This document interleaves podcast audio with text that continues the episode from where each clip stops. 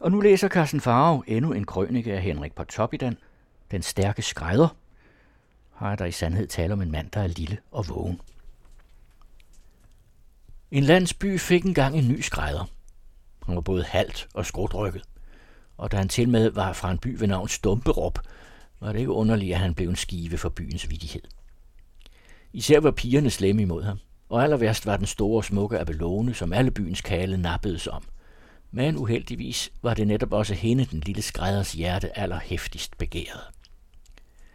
Men hvad han manglede i benene, det havde han i sit dværgehoved. Og ved flittig læsning i verdenskrøniken og i navnkundig imens historie, havde han lært, hvorledes man blev æret og frygtet i verden.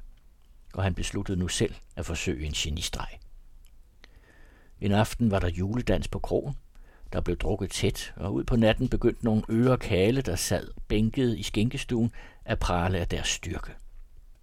Jeg kan bære en plov på nakken fra kirketårn til kirketårn, råbte en og huggede brændvinsglasset i bordet med en id.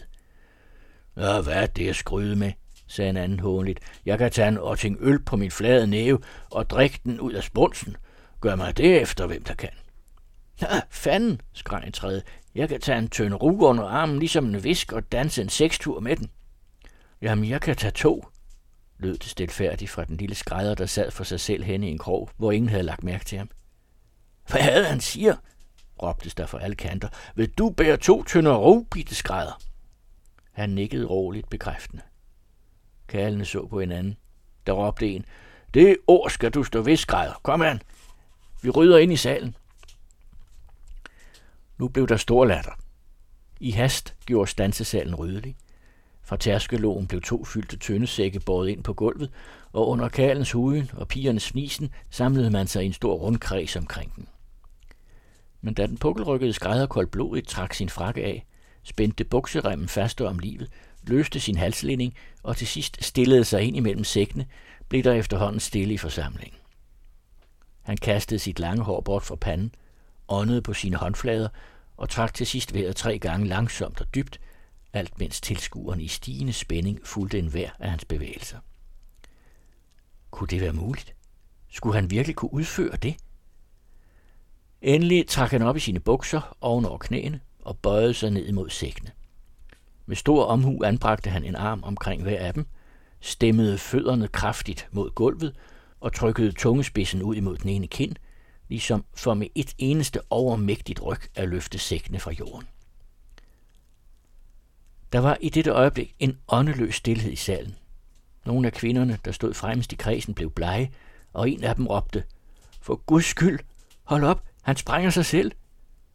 Sækkene blev da også ganske roligt liggende på gulvet. Der lod skrædderen, som om han blev forbitret, lagde det ene knæ mod jorden, bed tænderne sammen, pressede blodet til hovedet og fik lemmerne til at sidre. Det så ud, som om han var fast bestemt på hellere at ødelægge sig selv, end at give tabt.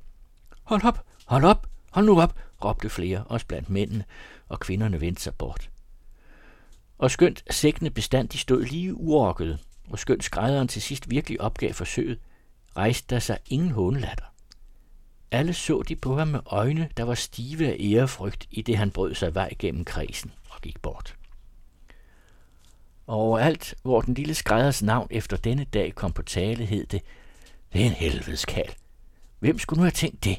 Han skulle lige ved at kunne løfte en tynd sæd under hver arm. Ja, da han nu friede til den smukke Abelone, slog hun straks til med kysshånd og levede siden lykkelig i stolt forvisning om, at hun ejede den stærkeste mand i hele herredet. I en serie her på den anden radio kommer vi i løbet af de kommende uger gennem hele Pontoppidans bog Krøniker fra 1890.